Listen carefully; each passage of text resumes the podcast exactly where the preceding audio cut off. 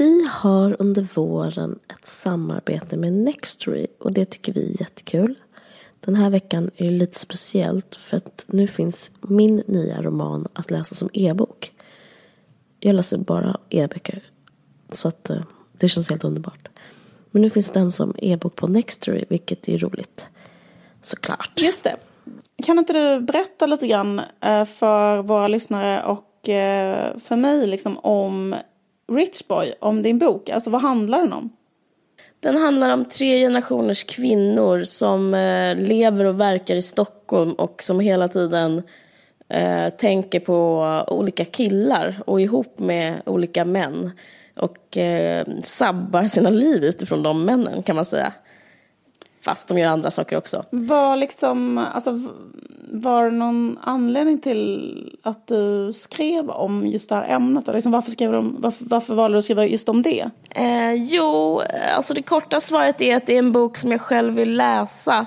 Eh, jag blev intervjuad idag i tidningen L och då sa hon att hon har varit sugen på att läsa en bok eh, som Gun-Britt Sundströms Maken som handlar om att det var ihop eh, med en kille på 60-talet och eh, hon, jag har också varit sugen på att läsa liksom en liknande bok sen jag läste Maken. Så jag vill liksom, jag är extremt intresserad av kvinnor och vad de eh, gör och hur de påverkas för att jag är kanske en kvinna själv. Alltså jag vill bara liksom mm. läsa om mig själv antar jag. Men har det att göra också med att du själv har fått barn, att du blir intresserad av den här relationen bakåt liksom? Hur man ärver typ trauman och sådana saker. Och alltså hur man ärver att vara en kvinna. Liksom. Man ser ju så jävla mycket i sin egen mamma, liksom hur man ska vara en kvinna. Och den kvinnan har liksom sett, det tycker jag blir så tydligt i din bok, liksom, och den kvinnan har sett hur man är en kvinna i ens egen mormor. Och liksom att så här, hur, man, hur man dealar med hela så här, kvinnogrejen är så himla ärftligt på något sätt. Ja, jag är väldigt intresserad av om man kan jag vet inte, bli fri som människa. Alltså det, jag är intresserad av att eh, vad man ärver och, och vad man kan skapa själv. Alltså skapa, kan man skapa sitt eget liv och kan man välja sitt eget liv? Mm. Och eh, eh, kan liksom om någonting händer som ett trauma händer i en familj, ärver man det traumat? Det var liksom en mm. fråga jag ställde mig. Det är, eh, ja precis, det är jävligt intressant ämne och eh, det är skitspännande att läsa den och eh, det jag tycker också så här, att, den är så jävla, att den är så jävla rolig och att det är något som inte kommer fram när man pratar om den ofta för det blir så att man säger så här, ja den handlar om så här tunga ämnen och sånt men den är också jävligt loll och det är typ jätteroliga dialoger, jätteroliga beskrivningar, jätteroliga person.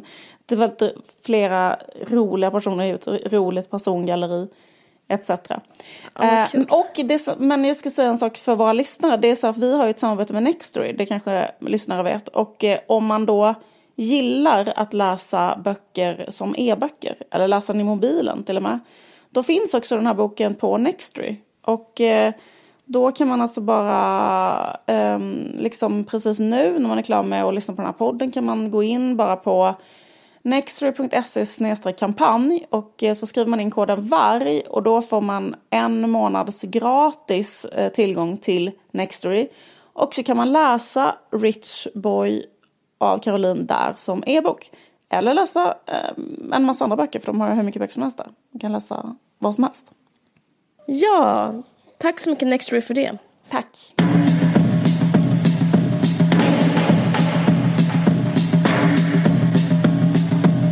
Hej kära lyssnare. Hej eh, alla där ute. Ska jag stänga av min mobil? Det verkar som den flott flipp på något sätt. Mm, okay. Jag har köpt, ny, köpt ny mobil. Den, jag, vet, jag kan inte den riktigt redan. Okej. Okay. Så, nu är den har du köpt? Um, iPhone. iPhone 6 kanske. Han tog sig i skrevet hela tiden han jag köpte av.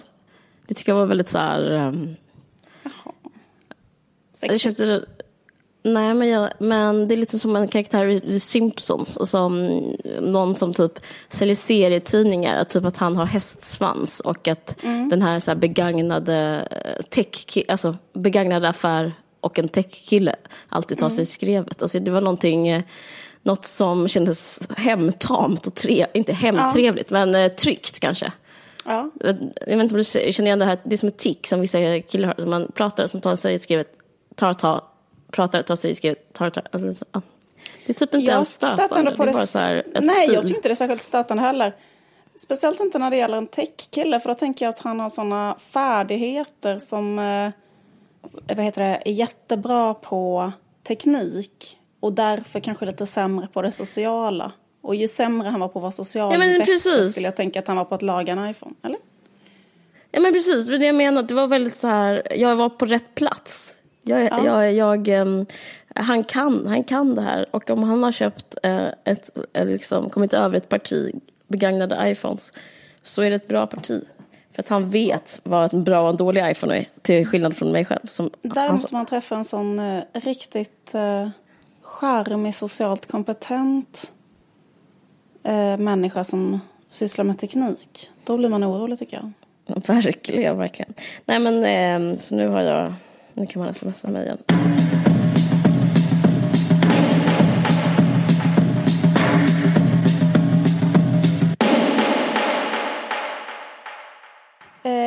Läst en bok. Mm. Vi är så duktiga. Vi försöker, he, eh, eh, försöker eh, vara så samhällsintresserade medborgare. Försöka ja, hänga med. Mm. Verkligen. Och eh, ambitiösa pods, poddmakare. Ja. ja. Och eh, vi har då läst en bok som heter Så blev vi alla rasister av Ivar Arpi och Adam Sveiman som mm. är utgiven på Timbro förlag. Mm. Och eh, Timbro är ju ett förlag som eh, ja, men det liksom finansieras av Svenskt Näringsliv. Så de ger ut så här, vad ska man säga, debattböcker som men lite höger kanske man bara ska nämna. samhället ska nä, äh, gå högerut eller mm. liberalt mm. ut liksom. De, ehm. de har även gjort tv. Jag var med i ett tv-program som de hade äh, där vi satt och diskuterade hur underbar Hjalmar Söderberg är. Jaha. Eh, det var samarbete med Expressens TV. Jag förstod inte det för lite senare. Men, okay. eh, men det känns också väldigt så här, om de gillar kultur så kan man, att prata om så här, Hjalmar Söderbergs eh, miljöskildringar av det gamla Stockholm. Det säger rätt så mycket också om Timbro. Mm, okay. mm. eh, och eh, den är skriven av Ivar Arpi och Adam Sveiman som om jag har förstått saken rätt så är båda två ledarskribenter. Mm, på, den ena GP, den andra SvD. Ja. Och eh, också ganska så flitiga eh, twittrare, debattörer. Mm. Eh, och boken handlar om, eh, man, man, kan säga tycker att den har två ämnen. Det ena ämnet är så här eh, att eh, svensk antirasism mm. har liksom sen kanske jag skulle säga kanske 2011, 2012, ja. mm. pikade kanske 2014, eh, skapat liksom börjat utgå från kanske en, liksom en ny teori när man pratar om rasism. Ja, just det. Eh, och den teorin är eh, att man eh, till exempel börjar använda ordet rasifierad och att man pratar om liksom färgskalan i huden. Eller att man liksom helt enkelt använder kategorier, en, kanske en ny form av kategori eller kategori som man inte använt på det mm. sättet i alla fall innan. En av de kategorierna är till exempel att prata om kategorin vit Just det, vithetsnorm. Vithetsnormen till exempel. Återkommer han mycket till. Ja, ja. precis. Och, eh, och att det här har startat. Så det är en del av boken. Mm. Vilket de mm. är väldigt kritiska till i boken. Därför att de tycker att det är, eh, vad heter det, fängslar folk vid deras eh, hudfärg och ursprung. Och gör liksom att eh, Ja, de kritiserar kanske... att kategorisera och liksom, liksom dela upp folk utifrån dem utifrån Precis. det här. Ja. Och Precis. den andra saken som de diskuterar, det andra stora spåret, det är mm. liksom strävan efter mångfald mm. i politiken, mm. medierna och näringslivet. Och det känns mest som att i skottgluggen är SR och SVT. Därför att SR och SVT, eller liksom det, är det, det är mest det de diskuterar. Eh, liksom att det finns ett, um, ett politiskt ja. arbete i SR och SVT. Mm. Och, som handlar om att man vill öka mångfalden. Och då handlar det alltså om mångfald i um, kanske utomeuropeisk bakgrund. Vad, vad ska man kalla detta? Man, man kan kalla det men alltså, um, alltså de kritiserar, de diskuterar, mm. eller man kan säga att de kritiserar, de riktar jätteskarp kritik mot S, mm. SR och SVT. Eh, som är att SR och SVT har en vision och även BBC, alltså typ medieföretag. Mm. Att, eh, att ha en positiv diskriminering kanske man mm. kan kalla. Kvotering. Eh, ja. ja. men kvotering, eh, men att grupper som inte vanligtvis brukar höras eh, ska mm. få höras och synas. Alltså, och det, det argumenterar de varför det är fel. Det kanske mm. ska komma till hur deras argumentation går men, sen. Men, men det, är liksom, det hänger de upp sig på. Mm. Ja, men jag tycker det är liksom, uh, om man tittar liksom på de här två ämnena som tas upp i boken mm. och diskuteras. Så liksom skulle jag säga att jag tycker det är mycket mer intressant, eh, det ena ämnet och känns mycket mer aktuellt, nämligen det här med liksom, hur ska man tänka kring Alltså hur ska man tänka kring mångfaldsbegreppet i så, till exempel SVT och SR? Mm. Eh, och liksom, vad kan det finnas för problem med det? Vad finns det för fördelar? Vad är det man vill uppnå? Hur ska man bäst uppnå det? Alltså det tycker jag verkligen är en diskussion eh, som, är, som känns eh, mer relevant. För att det är liksom, eh, det är liksom politiska beslut, det finansieras mm. av skattemedel. Det är mm. verkligen något som angår oss mm. alla. Så här, hur ska vi göra och liksom varför och så här, att det, det, måste liksom debatteras. Sen tycker jag att en, en svaghet i boken så jag, tycker jag är eh, då de här, eh, när man debatterar mot eh, det som de kallar då den nya antirasismen. Mm. Eh, ja exakt, mm. eller liksom de, de debatterar mot, mot människor som de kallar liksom vänsterns nya antirasister. Och där uppfattar jag att mm. de, de utgår väldigt, de utgår då från, liksom det känns som att de tar ganska mycket så här lösryckta citat och att de människorna som de attackerar är grupper som jag skulle säga liksom redan är väldigt eh, nerdebatterade i, idag, också inom vänstern. Alltså de tar mycket, eh, de tar liksom, de plockar ut ganska extrema mm, citat. Mm, till exempel, eh, de tar Rummet som är en blogg som la ner för kanske två mm. år sedan. De tar mm, mm. kanske en stängd Facebookgrupp som heter PK dating för rasifierade. Alltså de tar saker som jag uppfattar som mm. Eh, eh, och, och, också att de här grupperna och de här skribenterna och de här alltså, debattörerna. Det är sånt som inte finns längre? Nej, exakt. Och, det, och, också att de har, blivit, eh, de, de har ju blivit väldigt kritiserade inom vänstern. Vad ska man säga? Man kan inte riktigt säga, ja. tycker jag, att så, detta är vänsterns sätt att vara antirasister. För att, um, för att det är det liksom inte. Eller, men, eller det, alltså, det är klart att det försöker existera. Men jag kan också tycka så att, att de kritiserar mm att jag tycker att man, när man debatterar så är det liksom mycket mer intressant att ta motståndarsidans liksom bästa argument. Nu ta, plockar de, jag tycker det är lite grann i den här boken att de plockar upp de mest så här, udda och perifera. Alltså de hittar någon text av Judith Kyros till exempel där hon säger att hon äcklas av vita för de ser ut som löskokta ägg eller något sånt där. Och, och, att, ehm, och det tycker inte jag, för jag menar hon är också en skönlitterär skribent och om hon skriver någon essayistisk text om personliga känslor, då, det liksom har inte sin plats tycker inte jag i en politisk debattbok. Eller det kan liksom inte sägas vara Eh, ja, det, det, är liksom något annat Nej, tycker jag. Precis. Eh, det är liksom eh, sådär. Plus att det är så litet liksom som fenomen idag speciellt. Alltså att det, jag skulle säga att det pikade 2014 och sen efter det har det ju verkligen blivit liksom Eh, nu befinner vi oss liksom i ett annat politiskt landskap. Jag håller helt med. Men, det, men vad fan skulle jag säga om det också? Att, att de eh, Eh, att, jo, att det blir komiskt. Alltså, eh, det är näst, det, de gör det väldigt lätt för sig när de gör... Jag håller verkligen med mm. vad du säger. Men då, det får liksom motsatt effekt också. Inte bara det att, liksom, att det är inte fair play, men det blir, liksom, det blir bara skrattretande till slut att hålla på och citera typ, vita kränkta män-gruppen från 2013. Mm. Och, mm. Ja, det är liksom... Eh, det är inte, ja, det, är inte, det blir inte intressant helt enkelt. Nej, och sen tycker jag att det är lite tråkigt för att om man verkligen, alltså också ska jag säga som är största invändning mot den här boken, det är så här att den gör en historieskrivning som är så här, boken heter ju Så blev vi alla rasister. Och så börjar det uh, så här, uh. vi innan har vi aldrig pratat om kategorin vit och rasifierad i Sverige. Så här är deras historieskrivning. Men sen började vi göra det. Det var år 2012. Och det var när Jonas Assen Kemiri um, publicerade texten Bästa Beatrice i liksom någon svensk tidning. Mm. När han började prata om sin hudfärg. Uh, mm. Och då menar de, han, då menar de liksom att då gjorde de här, alltså då ungefär från ett vakuum så uppstod uh, de här teorierna där. Och det tycker jag är lite synd. Också kan jag tycka liksom att, för att jag tycker så här att uh, att deras liksom empiri i den här boken, det är bara deras egna mm. Twitterflöden. Mm.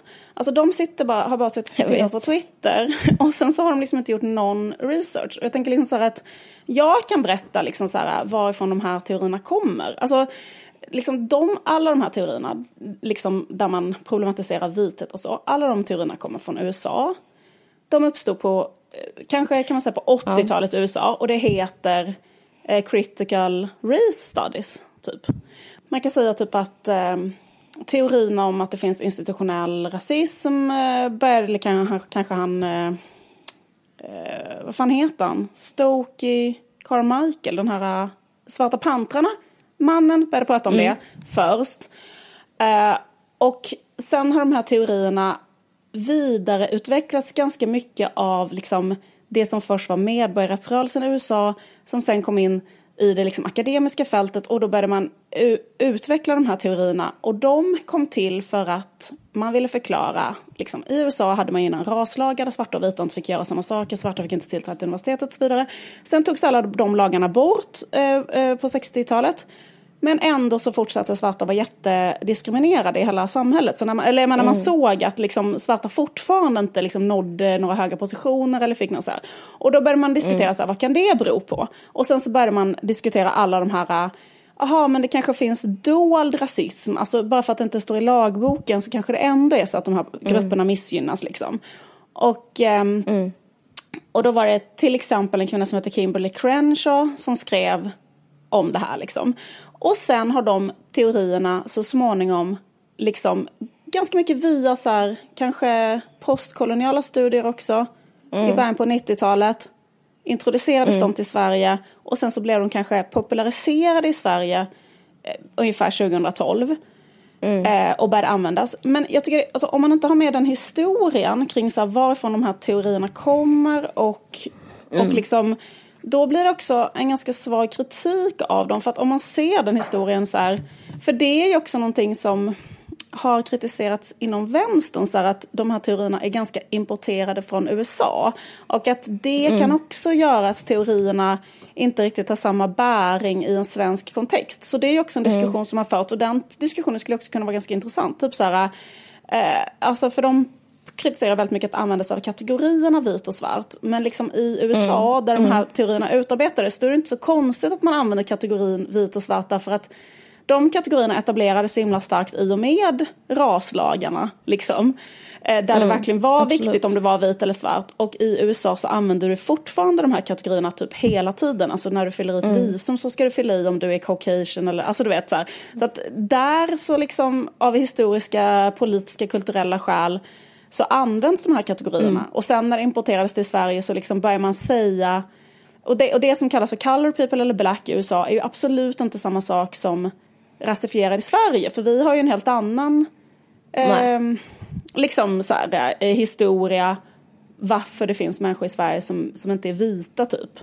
Alltså mm. det, den, den historien är annorlunda än varför det finns människor i USA som inte är vita. Alltså, det, så, att, liksom, så att i Sverige har vi liksom ja. människor huvudsakligen som har flyktinginvandrat och i USA har de ju funnits väldigt mycket längre och det handlar om slavhandel. Alltså, så att, ja. jag vet inte, så, så då är det klart att de kategorierna är skilda och där kan man liksom, ja.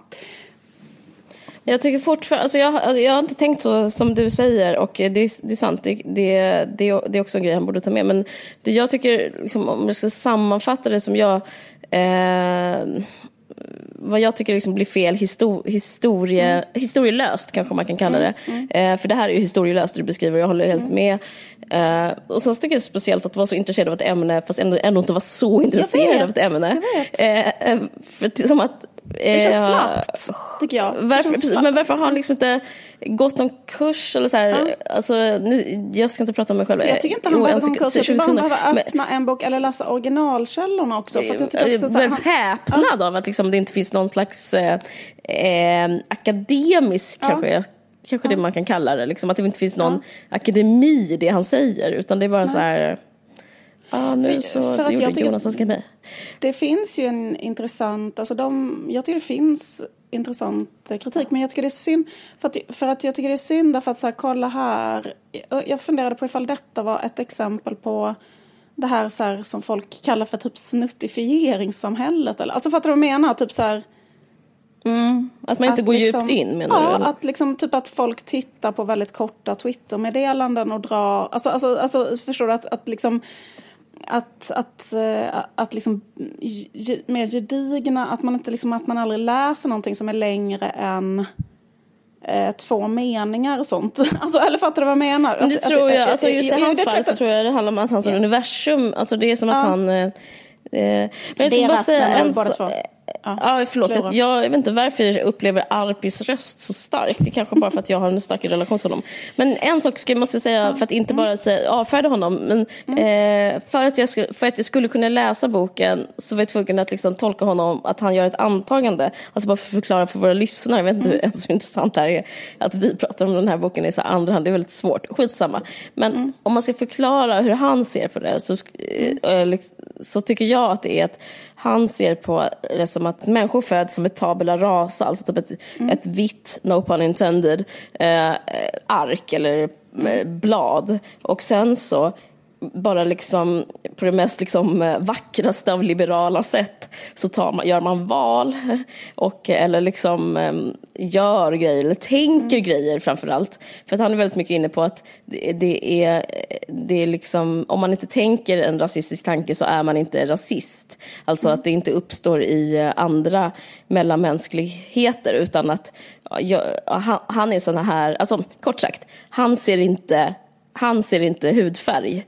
Och han är, han är bekymrad över att alla andra ser hudfärg. Och, eh, och om, jag, jag tycker det är bara lite intressant. Eller, så här, eller jag kan gå med på det, att så kan man ju se också all, hela mänskligheten.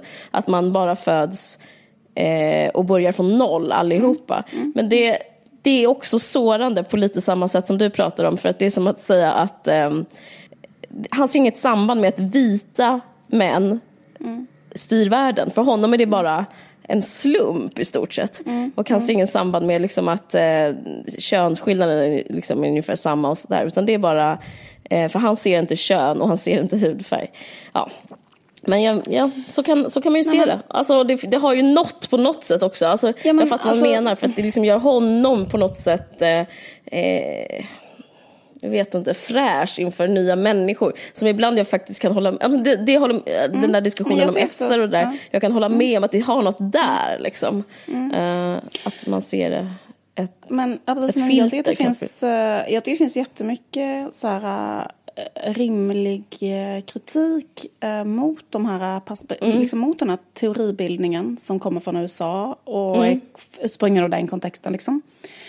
Eh, Och jag tycker att de tar upp vissa sidor av det. Och jag tycker också att den här diskussionen om, så att säga, eh, om inkvotering eh, för att skapa mångfald inom SR och SVT är så här en, en, det är ju något som är svårt med det. Alltså, och, eh, och att de tar upp vissa, vissa saker av det som jag tycker att jag liksom håller med om. Men jag får bara säga en sak för att de, alltså om jag förstår dem rätt så eh, de menar att det finns rasism liksom, i samhället. Eh, som är så här öppen rasism och så. Men att det liksom inte finns en strukturell rasism i samhället. ja, jag har, skrivit, jag har skrivit upp tvärtom. Jag har skrivit så här, de är emot att idén om att rasism inte finns.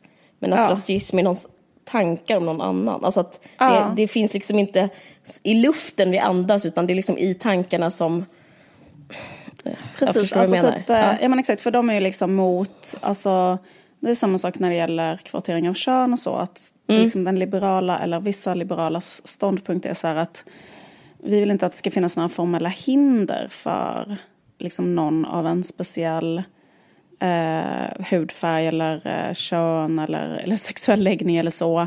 så självklart mm. att liksom typ söka ett visst jobb. Men eh, vi vill att det ska vara eh, liksom lika möjligheter för mm. alla.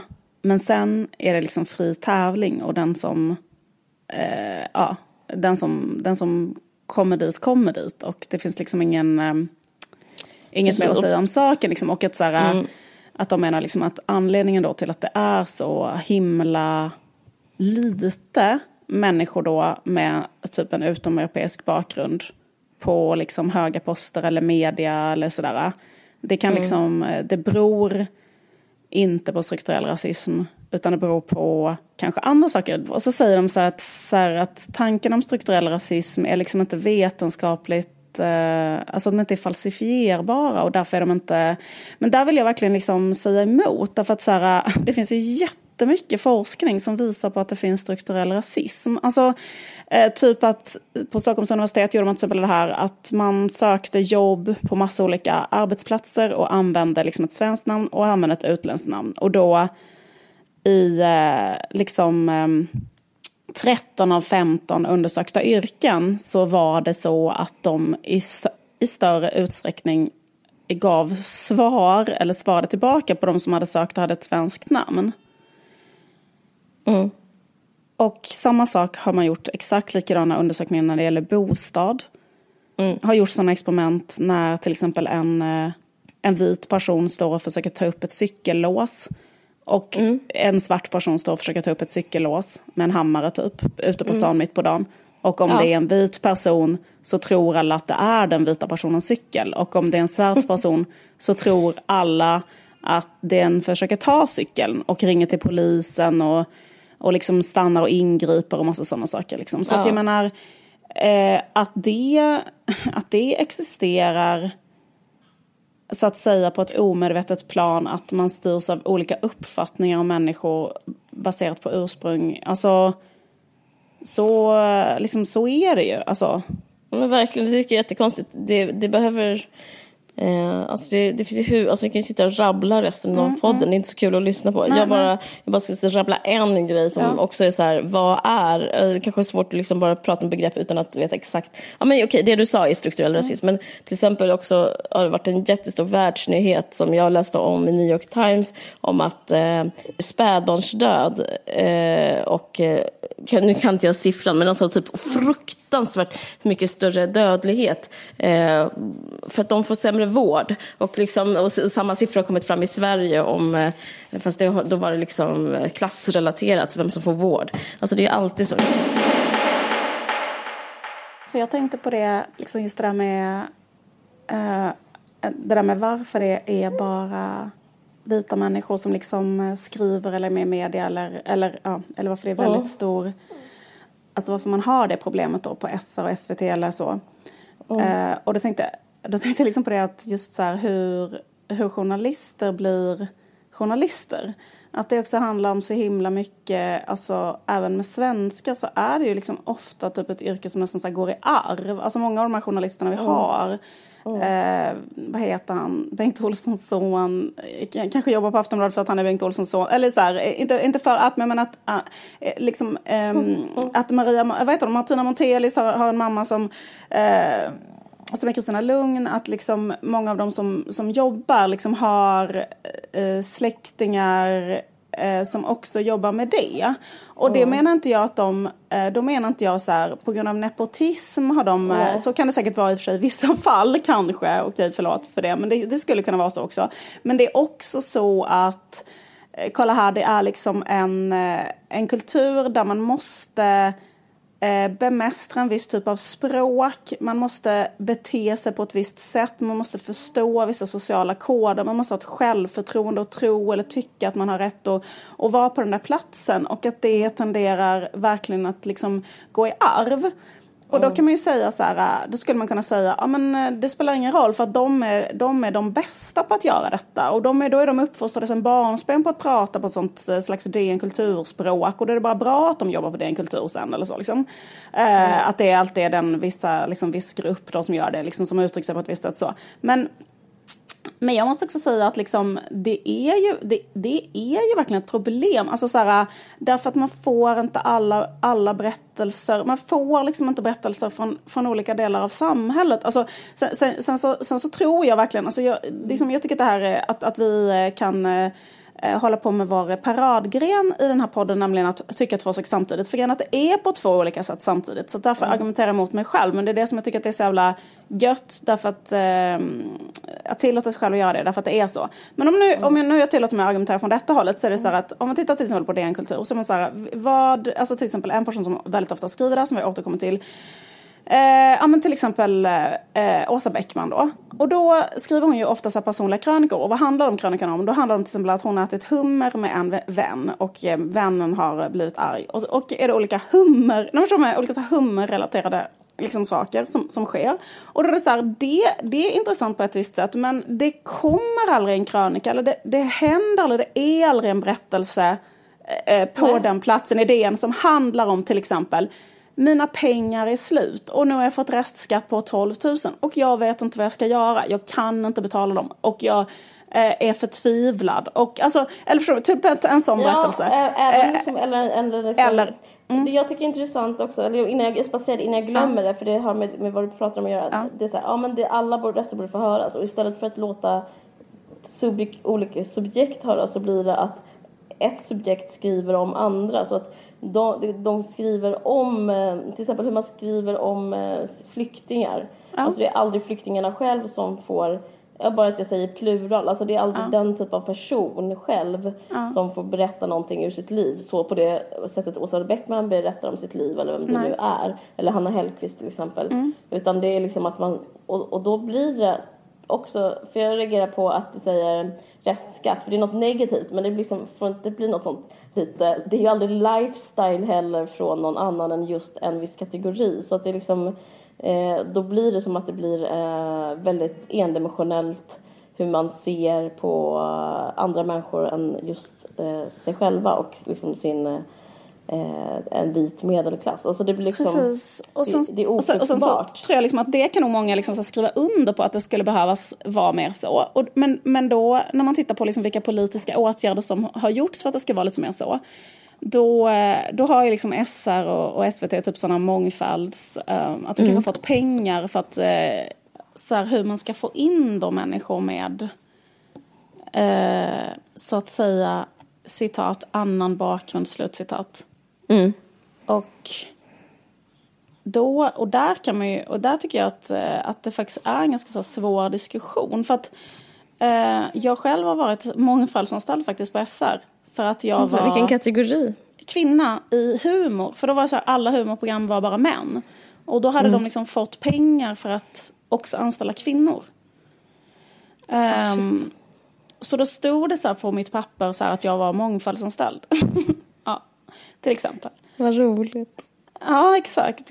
En kille som hade exakt samma anställning hade bara en vanlig anställning. Men, men, eh, och då, men liksom, för då, och det, och det tycker jag, alltså om man ska Hur ge kändes dem... det för dig då? Var det liksom, var det, kändes det liksom B att du var det?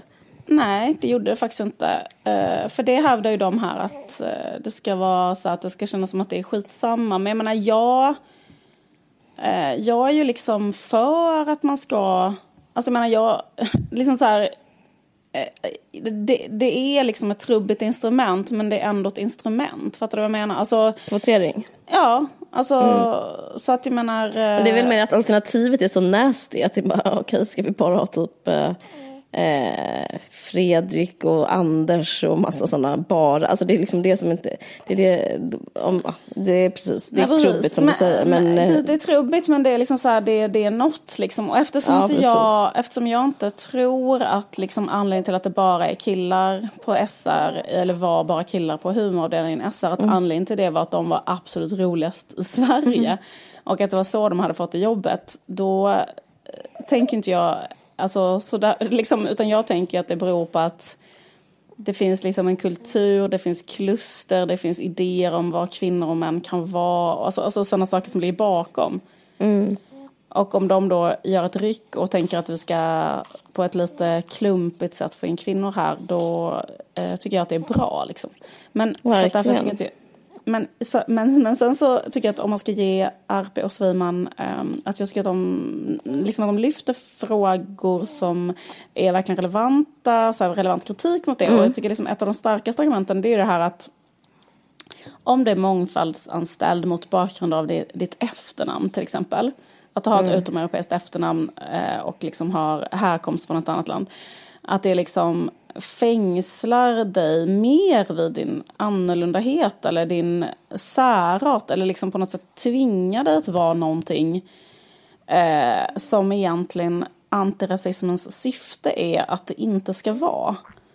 Och det är mm. liksom samma problematik som finns med kvinnor och män. Alltså typ så för det som är konstigt med att vara en mångfaldsanställd kvinna, det är ju att man tänker så här, eh, för, för att du är kvinna eller har en annan härkomst en svensk, då ska du typ bidra med ett perspektiv som är på ett visst sätt. Och det ska inte mm. vara samma som en svensk skulle göra. Så även om du känner dig svensk, alltså till 100 procent, alltså förstår du mm. vad jag menar? Och, och liksom inte alls... Eh, och det är häft, du kanske är intresserad av någon slags eh, erfarenhet som kanske inte alls finns. Ja men exakt, du kanske är intresserad av liksom, insekter, förstår du vad jag menar? Ja, om vi pratar om det. Nej, men, är, men då är det, det liksom så här, va? Vad sa du? Nej, det är fucked up. Ja men exakt, och då ska du liksom så här, då, då, då, och, och, och det kan ju bli liksom självgenererande.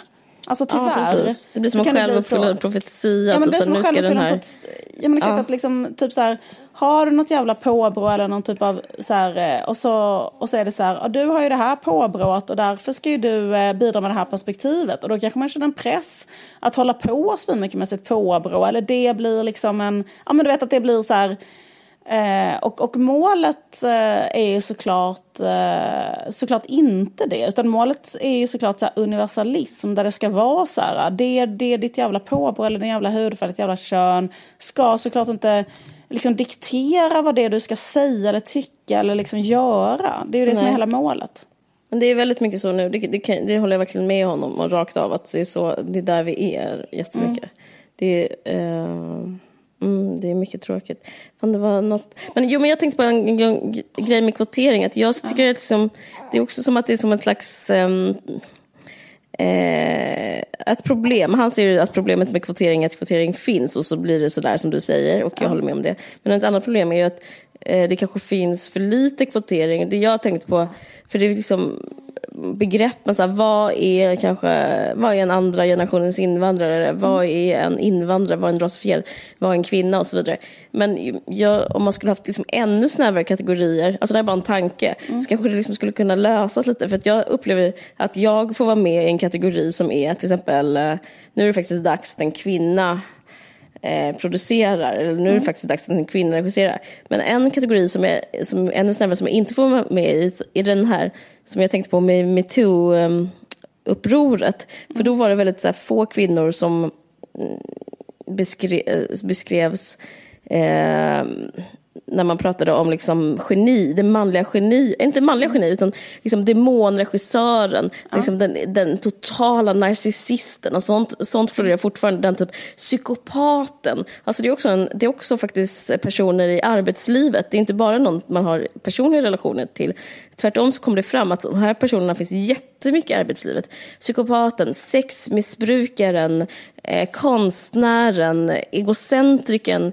Jag vet inte, alltså nu låter det som att jag skämtar och jag kanske skämtar. Men jag bara liksom upplever att det finns en slags ett glas, en glasdörr eller ett glastak till att, jag, till att så få kvoteras in i eh, mer liksom negativa men makt som gör liksom ens utrymme i arbetslivet eh, liksom lite mer friare. Jag skulle gärna, jag, jag känner jätteofta när jag har jobbat som till exempel regissör och producent, vilket jag har gjort rätt så mycket, och även författare nu när jag har jobbat på förlag, eh, att jag upplever att kategorin för kvinnan jag, jag, alltså jag får vara med som kvinna och författare, men jag får inte vara med som kvinna och helt, och helt psycho-författare.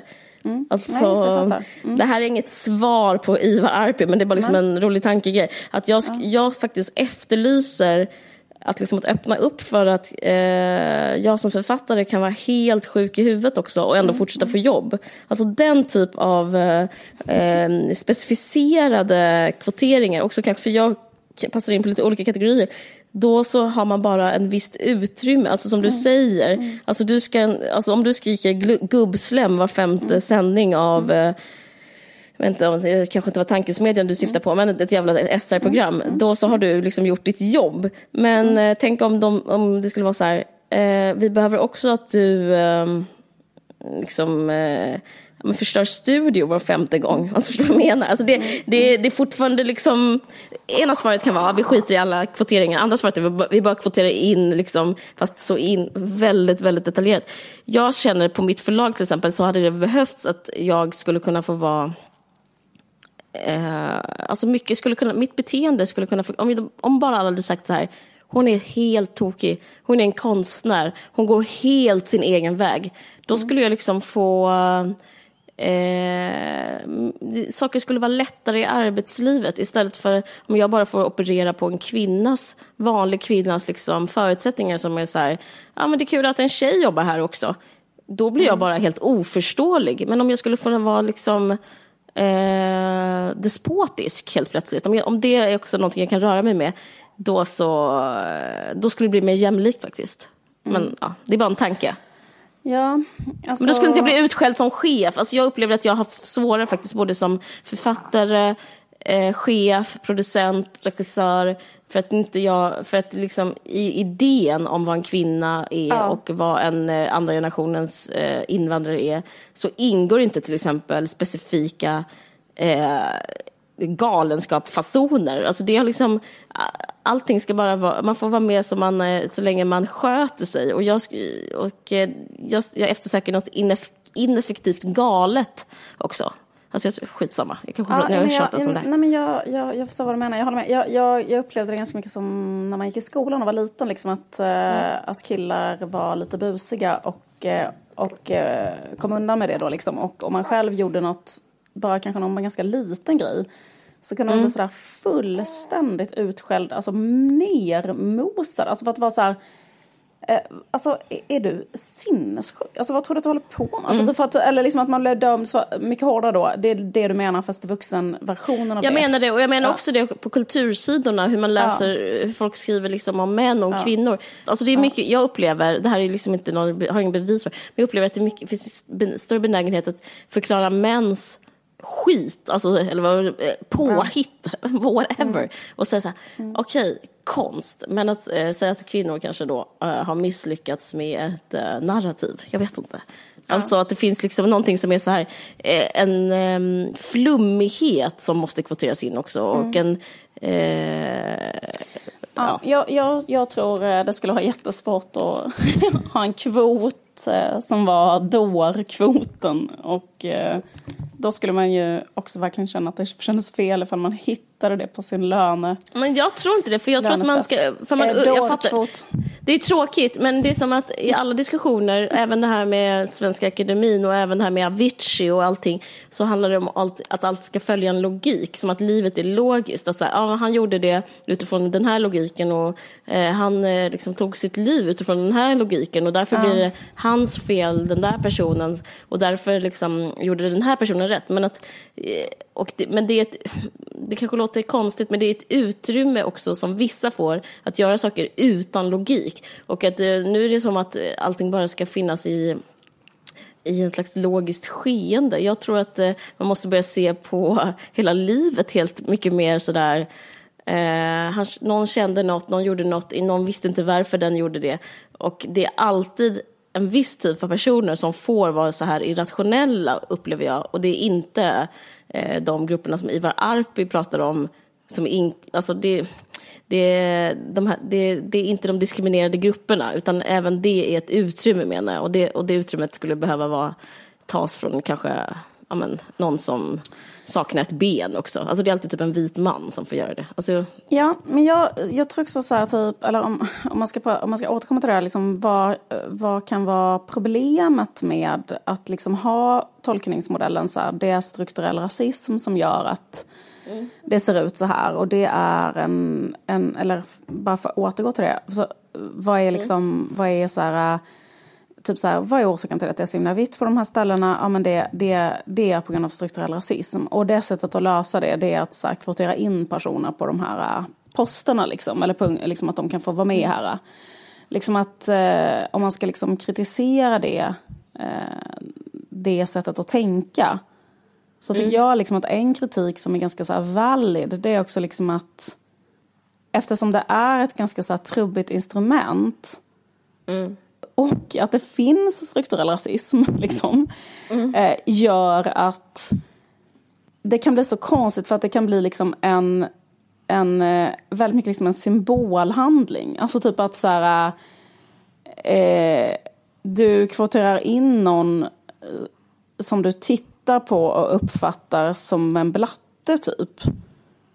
Mm. Och, liksom, och, det, och, och, och då ska den vara på den, men liksom att den gruppen egentligen är så fruktansvärt heterogen. Alltså typ att så här, den gruppen som kallas för rasifierade, den innefattar ju allt från liksom en adopterad, liksom i en akademikerfamilj till typ en Eh, förstår du menar? En åttabarnsmamma som är analfabet. Alltså det är liksom mm. så här vem som helst i princip som, som du kan sätta Just den det. konstiga mm. etiketten på.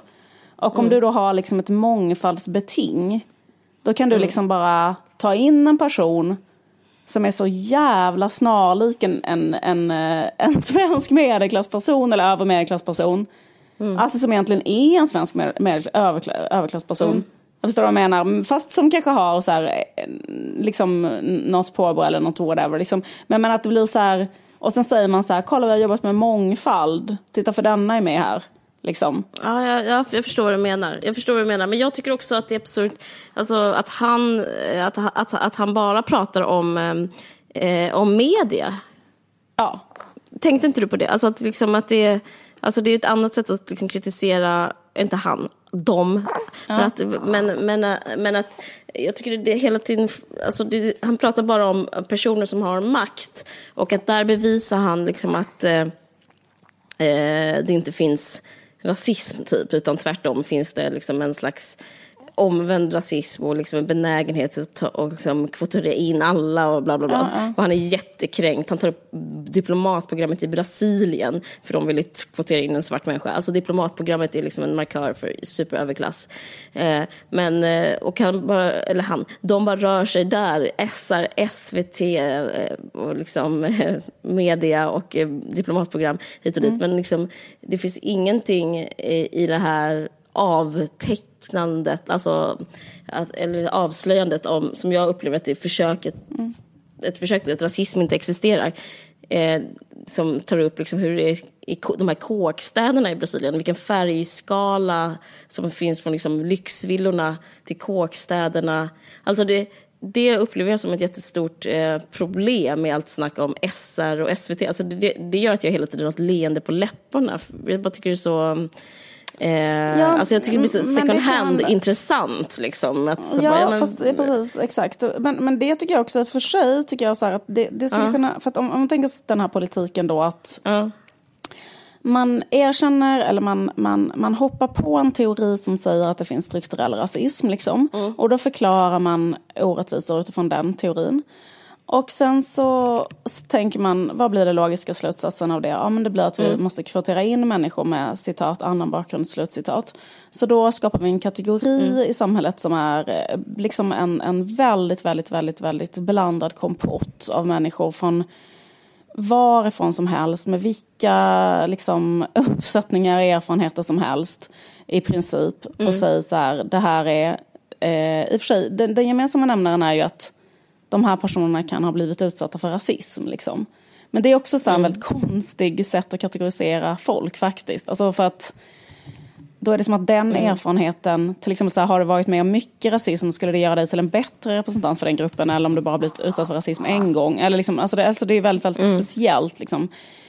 Mm. Så, så, så, det är ju så väldigt svårt. Men det jag tänker på också är att, så här, att möjligen så kan den analysen också förhindra att liksom att, eller, liksom den analysen skulle också kunna leda bara till liksom, eh, symbolpolitik. För det tycker jag man kan se ganska mycket i USA. Alltså USA är ju verkligen ett land där du har eh, eh väldigt, väldigt stora skillnader mellan mellan eh, eh, den svarta befolkningen och den vita befolkningen när det kommer socioekonomiskt, vilka som sitter i fängelse och så. Det finns liksom så, så sjukt stora skillnader där.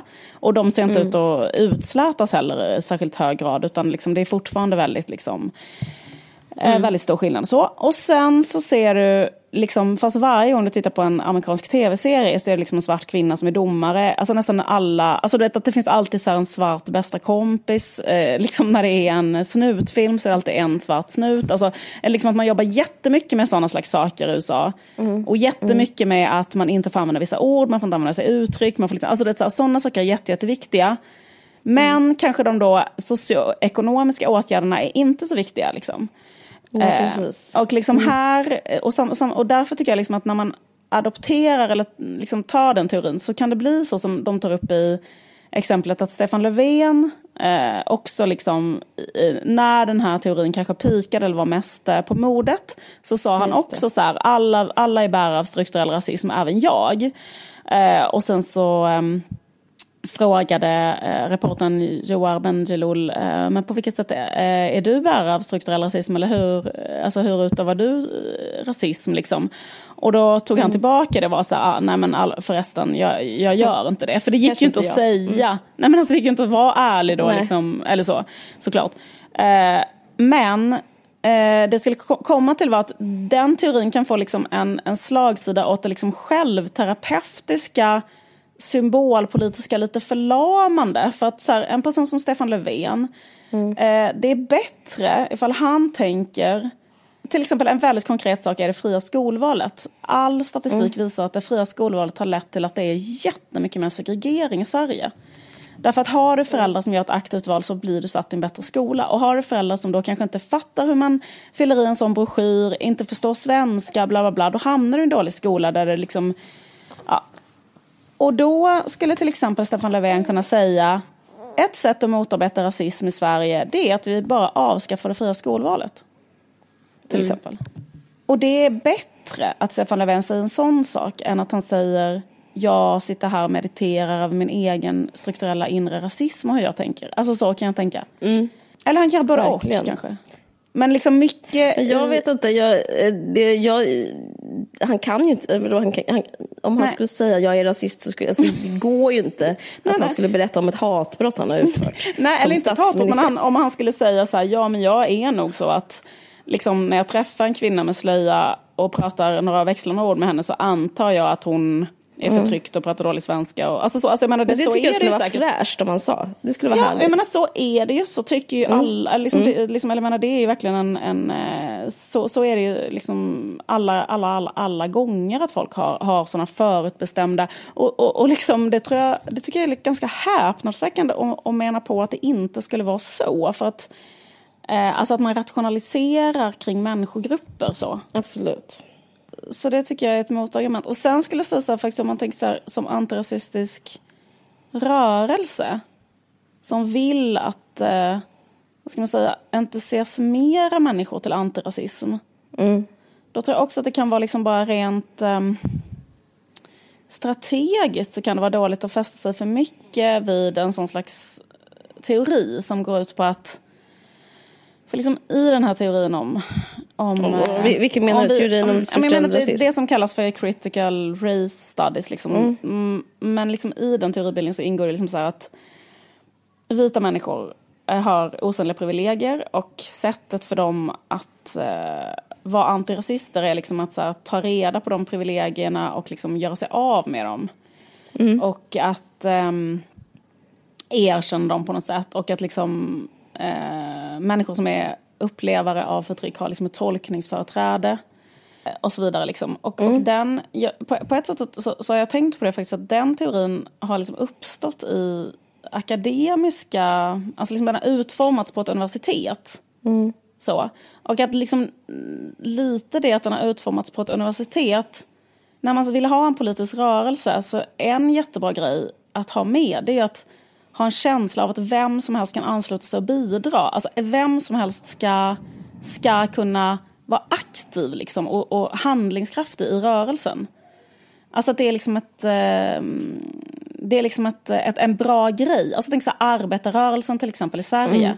Så här, ju fler som är med på det tåget, ju mer liksom så här, framgångsrik kan rörelsen vara.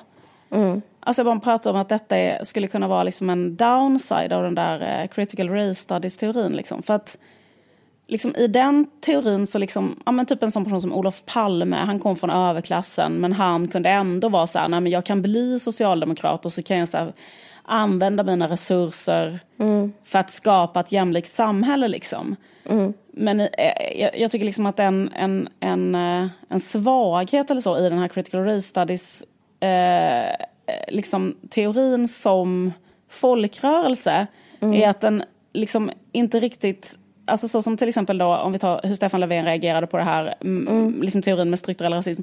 Att han istället för att säga så här, jag är emot rasism och därför tänker jag eh, avskaffa det fria skolvalet. Till exempel, det finns andra saker man skulle kunna göra. Till exempel fördubbla barnbidraget för väldigt många ensamstående mammor eh, liksom i så här, utsatta områden har väldigt många barn. Och ett sätt att liksom bara få upp deras ekonomi till exempel skulle kunna vara det. Alltså eh, olika saker. Mm. Att det är bättre att ha ett politiskt program eller så där, som, eh, som inbjuder mer till, till deltagande aktion. För i detta, och att man kan liksom lära sig eller liksom de, delta i det politiska arbetet. Inte bara... Jag såg också så en, en, kampanj, en reklamkampanj nu som är så här, heter så här, eh, Flytta på dig, som handlar om så funktionsvarierade. Och så är det så bilder på funktionsvarierade personer, tror jag. Och så står det så här, flytta på dig. Liksom. Mm. Eh, för, att det är så här, um, för att ge plats åt de här människorna. Liksom. Mm. Att någonstans i det tilltalet, som ju har mm. varit väldigt förhärskande också inom feminismen, inom, inom den här formen av antirasism och så, så ingår det liksom att eh, de enda som kan delta är människorna i den berörda gruppen. Liksom. Eh, mm. Jag, det... jag, håller, jag, jag, håller, inte riktigt med, men jag, jag lyssnar på vad du säger. Men jag ska, säga, ja. jag ska svara sen. Det ja. kan invända sen. Men, mm. men, men jag, jag tror så här, ur ett slags så här folkrörelseperspektiv eller så. Mm. Jag tror faktiskt också inom feminismen att, att det kan vara ett problem. Liksom därför att du, alltså om du är för mycket så här, om du är för mycket så som feminist, killar är sjuka i huvudet, eh, jag hatar män, eh, ingen kille har någonsin, alltså du vet så här, eh, liksom killar kan inte, alltså så här bla bla. Typ att man tänker sig en kille skulle inte ideologiskt kunna tillgodose sig feministiska värderingar och sen arbeta för det liksom. Mm, mm. Då tror jag att man liksom Alltså, alltså jag tror att det är lite svårt för en sån polisrörelse att få Eh, därför att jag tror att om man ska vinna, liksom om man ska vinna så måste man säga så här, alla kan liksom... Mm, liksom, liksom så alla, liksom, alla kan arbeta för att, på, i början av seklet så kunde alla arbeta för att arbetarrörelsen ska ta över världen. Alltså alla kan vara med i i socialismen. Eller liksom alla kan, för därför att det är en idé. Och det, det spelar ingen roll vem fan du är, utan du kan, så här, du kan eh, förfäkta idéer och, liksom, och i den här teorin så blir det som att så här, Jackie Arklöv typ mer välkommen än Olof Palme på ett sånt möte. Alltså förlåt, men det, bli, det blir ju så. Jag förstår vad du menar. Och det är också det, det är en downside med det. Men, men, det, ja. men jag tolkar inte det uppståndelsen av den. Alltså det är inte där, frågan är vad poängen med, vad är poängen med att liksom idén om strukturell rasism? Är poängen med att eh, alltså, det kanske är en passiv rörelse i, i, i, in its own right, om du förstår vad jag ja. menar. Poängen är kanske inte en aktivistisk rörelse, utan jag, jag vet inte ens om jag får vara med i den. Som, och, nu, nu gestaltar jag lite vad du beskriver, men, men jag har upplevt eh, de här tankarna. När jag upp, kom, eh, kom över dem första gången mm så upplevde jag liksom en otrolig, eh, det var som balsam för själen för det var en förklaring till eh, någonting som, som inte är så tydligt. Det är kanske därför det inte går att haka på för det är kanske inte så tydligt men det kanske har sin eget berättigande ändå för att förstå världen. Och kanske, alltså, jag tycker den har jättestor bäring i just i det intellektuella. Alltså det blir liksom en ett existensberättigande, ett intellektuellt existensberättigande som inte, som att vara antirasist eller inte vara antirasist eller att alla människor är lika mycket värda. Det är mycket liksom, eh, det förklarar ingenting. Men eh, jag kommer ihåg, jag fick jättemycket aha-upplevelser eh, för jag hade inte det här i mig av mig själv. Alltså jag föddes inte som Nej. att förstå vad vithetsbegrepp är och jag föddes inte att förstå vad rasifierad är. Men när jag så läste om det första gången så fick jag en eh, förståelse för världen som är så här, eh, jaha, är det därför, eh, är det därför att, är det därför jag har känt mig konstig på en indieklubb? Alltså, utan de, ingen där är rasist eh, mm. av de som lyssnar på Eh, nu ska vi ta ett band. Cardigans till exempel. Mm, mm. Det, de är inte rasister på Debaser som går och lyssnar mm. på Cardigans. Men ändå känner jag ett mindervärde.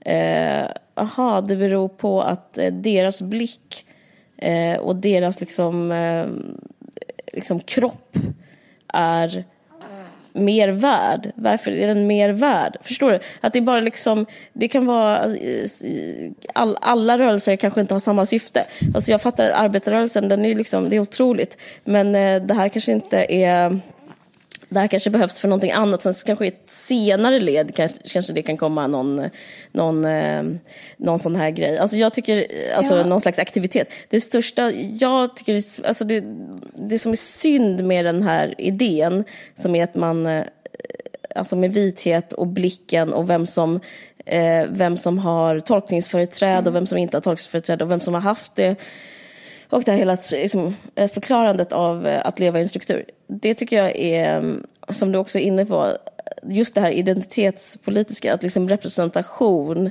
att, eh, att då den personen som är förtryckt, att den, kom, att den får som att det, att det blir en kompetens. Alltså, förstår vad jag menar? Mm. Det tycker jag blir ett feltänk. Att liksom, eh, och då, så, som att, att det ligger någon slags förmåga i att vara förtryckt. För det, det, det tror inte jag, men det tror väldigt många, och kanske mm. SR och SD. Och därför blir det liksom en slags Eh, därför, ska man, därför ska man anställa folk utifrån den förmågan. Eller därför ska man bedöma, eh, bedöma kanske verk eller film utifrån den förmågan. Alltså som att ämnet blir bättre än själva berättandet på något sätt. Alltså jag kan inte riktigt förklara, ja. men förstår du vad jag menar? Alltså det är liksom, eh, att det blir ett felslut. Att bara för att, för jag, jag, tror att det är så att man kan bli förälskad i idén, alltså vithets... Eh, vithets eh, vad heter det? Vithetsteorin kan mm. man bli förälskad i och då vill man liksom och då vill man haka på och då, då hamnar man i att eh, de som icke-vita besitter något underbart. Men det är inte så det är bara för att de, eh, de som är vita och har vithetsögonen Eh, bara för att de liksom eh, har betett sig keft och liksom har ett eh, vidrigt privilegium så blir det är som att eh, det blir en polariserad bild av verkligheten som inte heller stämmer. Alltså jag tror de här slutledningarna, och det, det, det håller jag med Arpi om, att han, eller vem, och den andra killen, förlåt jag glömde hans namn, att liksom, om att, om att så här, eh, det är liksom inte svaret. Det, det, det, är, det är som att äh, hela världen har så svårt att bara förstå någonting utan att bara direkt agera. Alltså, jag, jag vet ja, men det inte. Är, för det är ju svårt att veta vad man ska, alltså, eller hur? Men man kanske inte ska agera. Man kanske bara ska för, för liksom, liksom klara, av, eh, klara av att vara i den vetskapen att det mm. finns en maktordning. Och sen så kan man liksom... Ja, precis, fast då känner jag liksom att jag tycker det känns liksom jätteviktigt att um, att äh, agera eller att förändra saker. Och jag tycker också mm. så på ett lite så här sätt att, eller för att du sa så här, du snackade om att så här, den akademiska teorin kanske egentligen är mer en, så att säga, en slags akademisk teori än någonting som ska bidra till handling och förändring och så.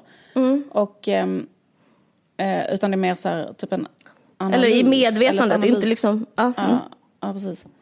Men eh, jag tänker att eh, att, att, att det har influerat politik väldigt mycket. Alltså att det har liksom influerat vänstern till exempel jätte, jätte, jätte, jättemycket. Jag vet, jag tycker, och, och jag tycker då, de är konstiga när de håller på med och den. Då blir det liksom ett problem ja. ifall det också innehåller element av handlingsförlamning. För jag kan tänka ja. så här, och jag tycker att det också innefattar feminismen. Liksom. För att jag tycker också att det är liksom en återvändsgränd. Det har jag liksom alltid tyckt också när mm. det gäller feminism. Att det finns liksom en gren av feminism som är så här...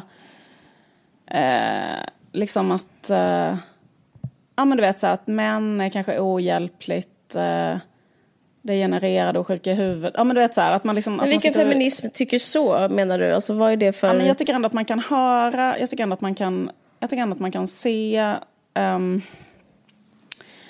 uh, till exempel så här, uh, feministiska bloggare och sånt som säger så här, jag hatar män. Uh, ja men typ så. Mm. Att om, om, man, om man säger det, jag bara, mm. det här är också så här högt i tak, bla bla mm, bla. Mm, absolut, jag absolut. själv kan bli så lite trött på det. Ja, gud ja. Alltså, eller inte bara lite, men att Nej, det är så helt hopplöst. Ja, men det är direkt hopplöst. För ja. det är också liksom lite grann att nästan så kapitulera och ge upp. För då blir man så här, vill, mm. vill, vi ha, vill vi ha makten? Alltså vill vi...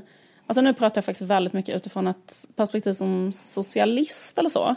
Alltså, alltså liksom, mm. jag vill ju att så här, vad fan, du vet, alla samhällets rikedomar, alla mm. globens rikedomar ska mm. delas ut till de fattiga och att vi ska äga det gemensamt. Alltså förstår du vad jag menar? Det är liksom mina idéer. kommer inte nå dit genom att, eh, genom att liksom på ett kannibalistiskt sätt sitta och utdefiniera varandra efter medfödda egenskaper i en Facebookgrupp. Alltså, Nej, det, men, nej precis. Där det ska vi, gudarna där, veta. Det ska, vi in, nej, men det ska gudarna veta att det kommer inte stoppa liksom, Boko Haram nej, från att liksom, kidnappa folk, äh, kvinnor. Eller som vi pratar om liksom, vart det verkligen försiggår kvinnoförtryck. Eller, liksom, alltså, det, det, det liksom... Och, och, och där är det liksom viktigt, och, och när det gäller strukturell rasism, alltså det är viktigt därför att så här, alla undersökningar visar att det har blivit svårare liksom för människor eh, som bor i förorten och har liksom en då synlig, alltså typ att de har en hudfärg som visar att de kommer från ett annat land. Det har blivit svårare för dem att klassvandra, svårare för dem att komma till en annan, eh, liksom flytta mm. från en förort. Det har blivit svårare för dem, alltså på massa sätt. Inkomstklyftorna har ökat. Alltså, mm. Och det är akut att det ändras. Alltså det är inte så här, eh, det sitter vi och mediterar över. Utan det är så här, det, det ska ske nu. Och alla, liksom, alla krafter måste mobiliseras för att det ska ske.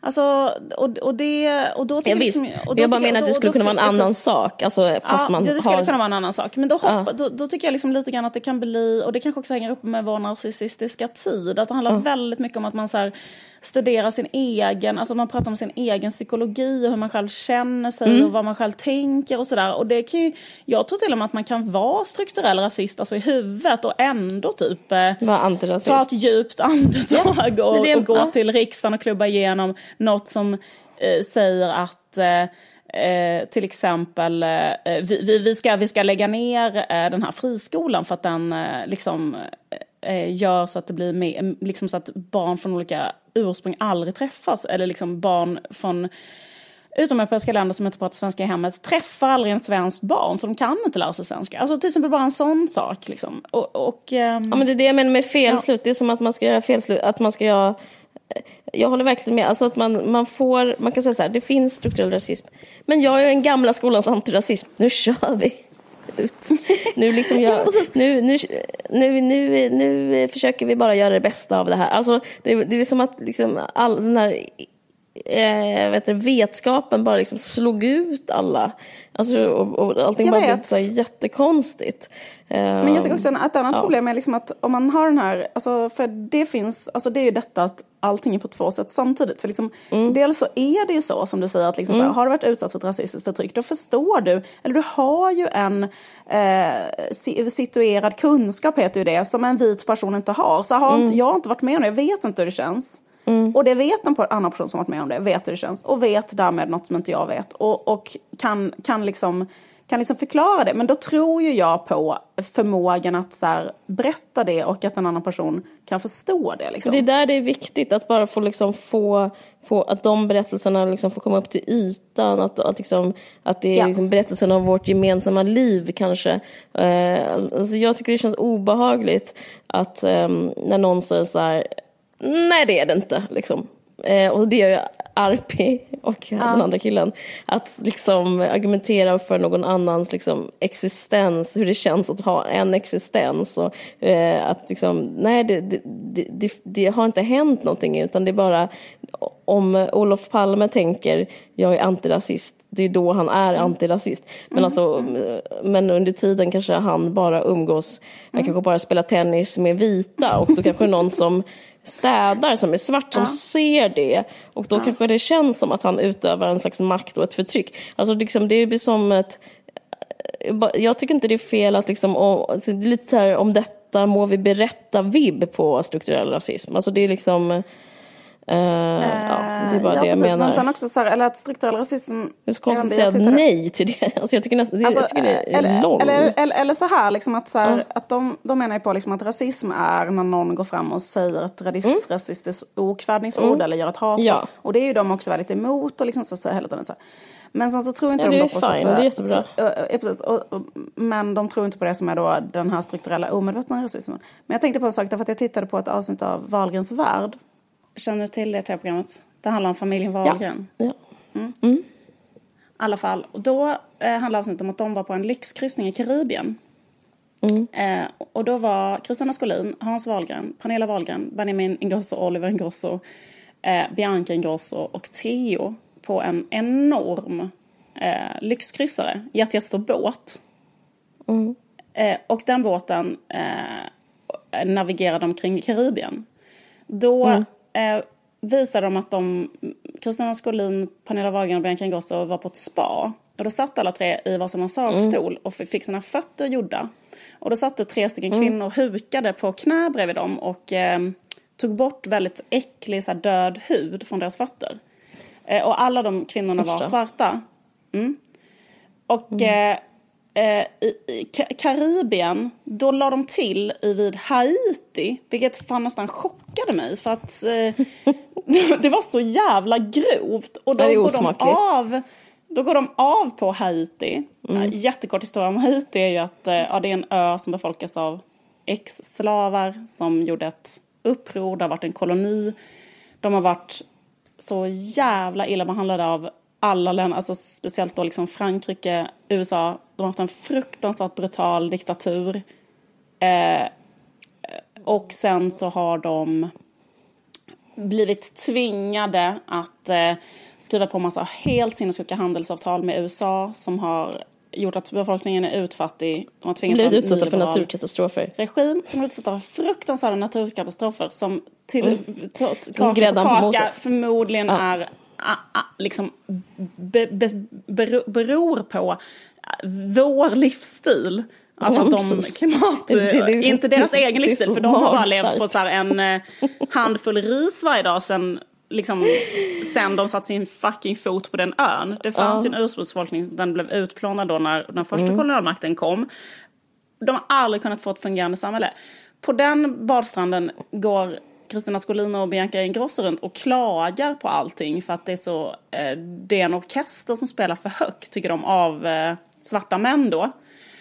Eh, och sen går de på den här lyxkryssaren igen och det är människor som jobbar på den här kryssaren. Alltså, och, och då kan man liksom med Ivar Arpis blick, så det som sker i det här programmet är inte eh, rasism Nej, eller, precis. eller någonting, utan det är bara fria individer som har valt att Det finns jobba ingen med tradition av att vita går och liksom, nej precis, utan det, är bara, det var bara Det några slumpmässigt som bara en det bara- gång det sa något. Men liksom så att alla är fria individer som begått fria val. Ändå Ja. är det så att en sitter Eh, och får sina eh, fötter filade av en haitisk kvinna och en, en är en haitisk kvinna som filar fötterna på en annan. Alltså det, och det bara slumpar sig så. Och, och, och, och liksom, Ja men då menar ju han, så länge inte eh, Pernilla Wahlgren tänker typ eh, jävla n-ordet så, så, har, så är allting fine. Det är Ja, ju det som är konstigt också, att då, att då kan man bevara det här, att liksom ehm, för det, det krävs så mycket aktivt av själva rasisten för att han ska bli upprörd, alltså att man ska liksom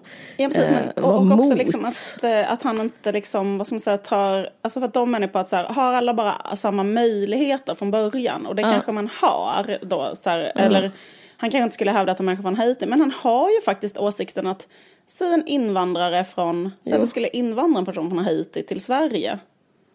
Eh, Och den skulle gå i svensk skola. Då, skulle, då tycker han att eh, den har haft samma möjligheter exakt som en, som en vit svensk.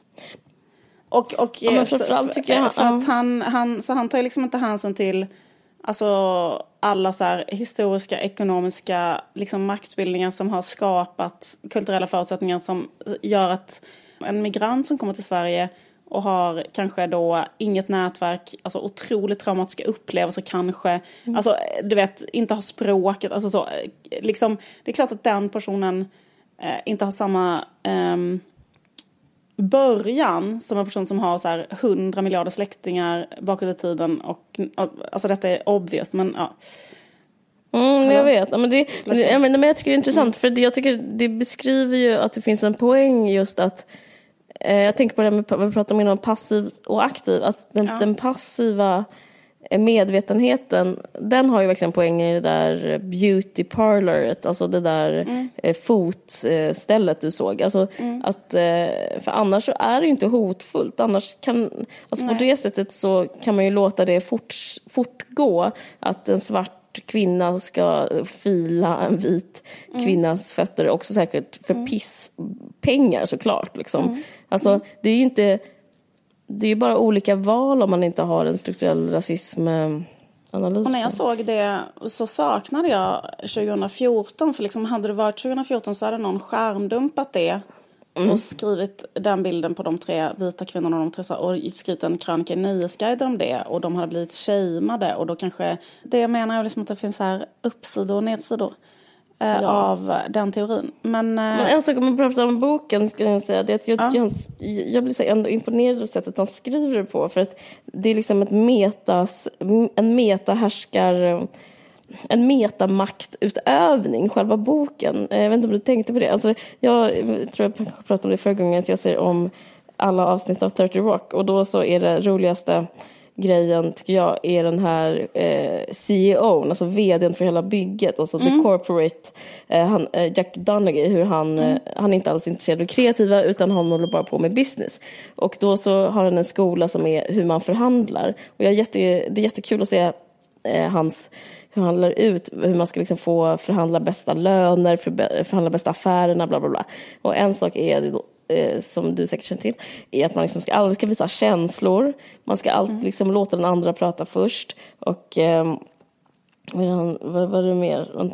Eh, man ska vara tyst och så ska man liksom prata liksom lågt, alltså allt, man ska vara lågintensiv. Och så upplever jag att hela boken är, att, alltså, om man ska bara sammanfatta den hur jag upplever mm. den, att liksom det, det sägs helt, alltså tokigheter sägs på de mest liksom mm eh, på, de, på det minst emotionella sätt som går. Alltså jag tycker det är intressant mm. också i den här emotionella tidevarvet vi lever mm. i. Mm. Att mm. jag tror att han kommer få många fans på grund av att det ser verkligen ut som att det är eh, som det är fakta han pratar om. I och med mm. att inte, han inte överdriver när han säger, när man, när, när, alltså han, liksom, han, han citerar Judith Kiros på ett väldigt liksom, mm. sakligt sätt. När han egentligen, man ser själv att hon har sagt något helt sjukt. Mm. Eh, men, men att han framstår som så enormt balanserad som människa när han inte reagerar på det. Jag tycker liksom rätt så, eh, eh, ja men hatten av faktiskt för det.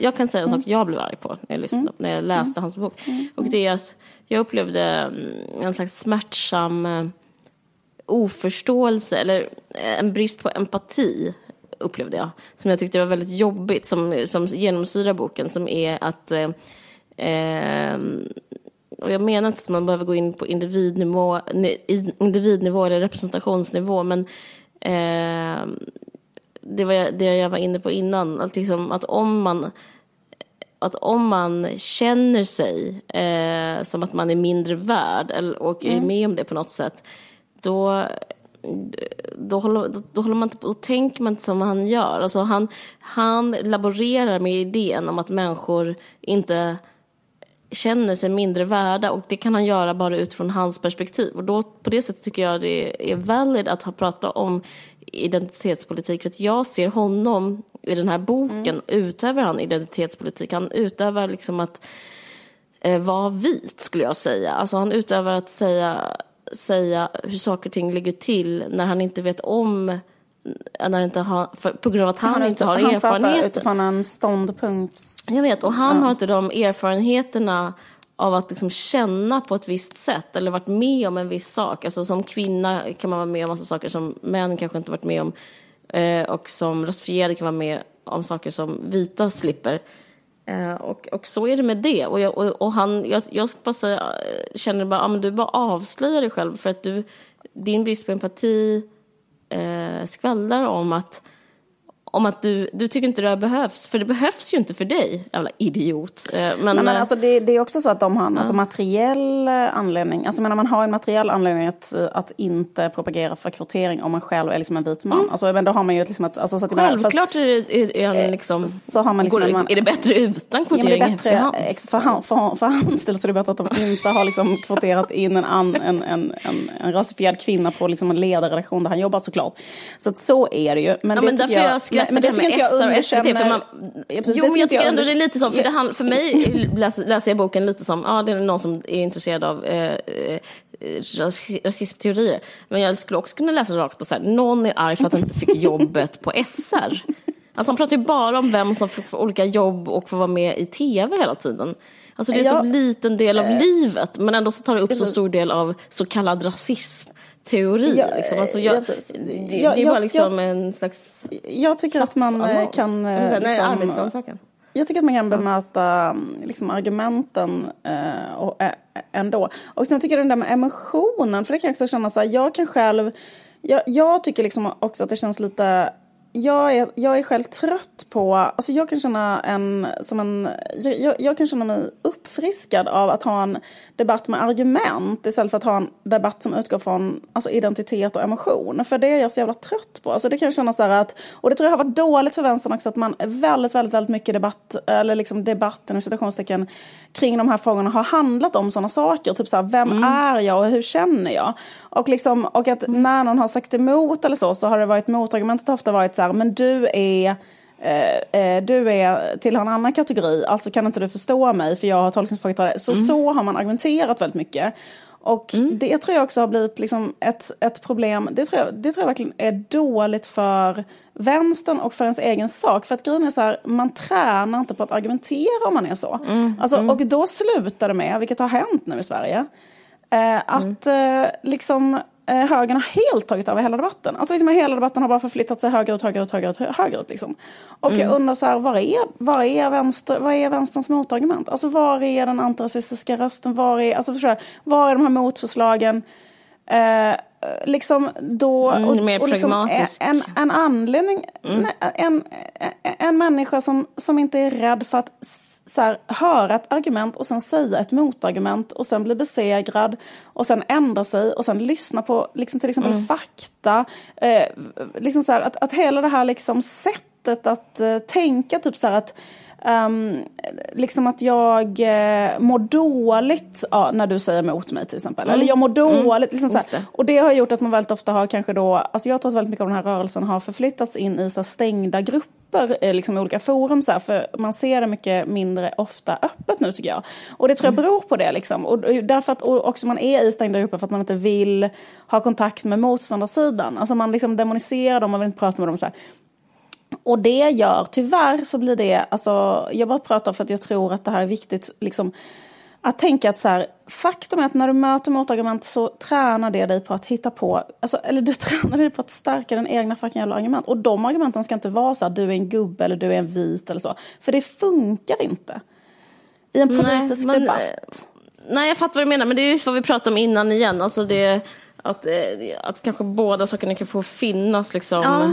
Men då tycker jag, då, då tycker jag att det andra har funnits för, för mycket liksom, och då saknar jag ja, det här lite det, Men det, det fanns väl en slags eh, vet och hållit på eh, liksom, ja, för exakt. länge. Ja men exakt. Alltså det är som att alla blev så jävla ja. glada, och inklusive mig själv. Ja. Men det var ja, någonting som man också. fick, som man inte fått innan och som är väldigt, så här, var väldigt var... underbart. Men nu och kanske det är dags att kavla upp armarna. Alltså jag håller med, alltså, jag förstår vad du menar. Men jag håller också med om att jag tycker verkligen så här, jag menar, det, det är ju ganska så här knäppt också om man tittar på den antirasistiska rörelsen innan den här rörelsen började värda sina åsikter. För då var den antirasistiska rörelsen 100% vit. Och det, då undrar man också så här, bara, varför formulerar ni vad som är problemet hela, hela, hela tiden? Det vet kanske inte ni. Alltså förstår mm. alltså du vet så här. Så det är, ja, det är mycket. Men man, man, man måste också förlåta vad vi är. Alltså om vi liksom går med på att vi är mm. typ i ett, eh, liksom, Jag vet. En, ingår i en historia som är, ja. har varit väldigt vit dominerad, alltså motsatt Ja. Skitsamma vad Arva Arpi säger. Men ja. så kanske liksom det tar så här kort, eller så här lång tid att bara okej okay, nu, nu, nu är vi på att hitta ett nytt medvetande som jag ändå mm. skulle säga att det här med det. critical ja. race studies och vithetsnorm, ja. Eh, liksom, att det handlar om att hitta ett medvetande. Sen så nästa steg kanske inte vi känner till. Och att vi bara, men det kanske tar så lång tid och eh, jag vet inte. Men, eh, Absolut. Ja.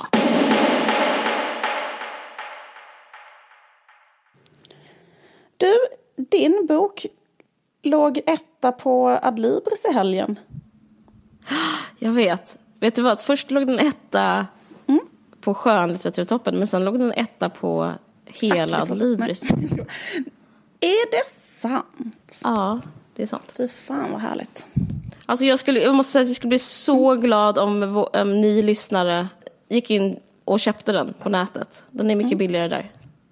Precis. Och grejen är också att vi har en rabattkod. Mm. I samarbete med Natur och kultur, som är ditt förlag, så mm. finns det en rabatt om man köper Richboy via Bokus. Mm. Bokus.com.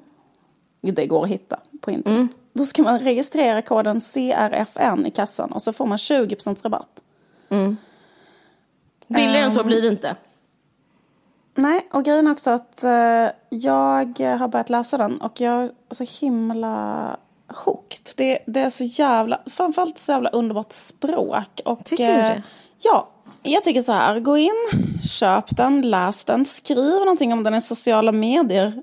Hashtagga Caroline, se till era kompisar och så vidare. Stödja kulturen lite grann i landet. Det är väl underbart.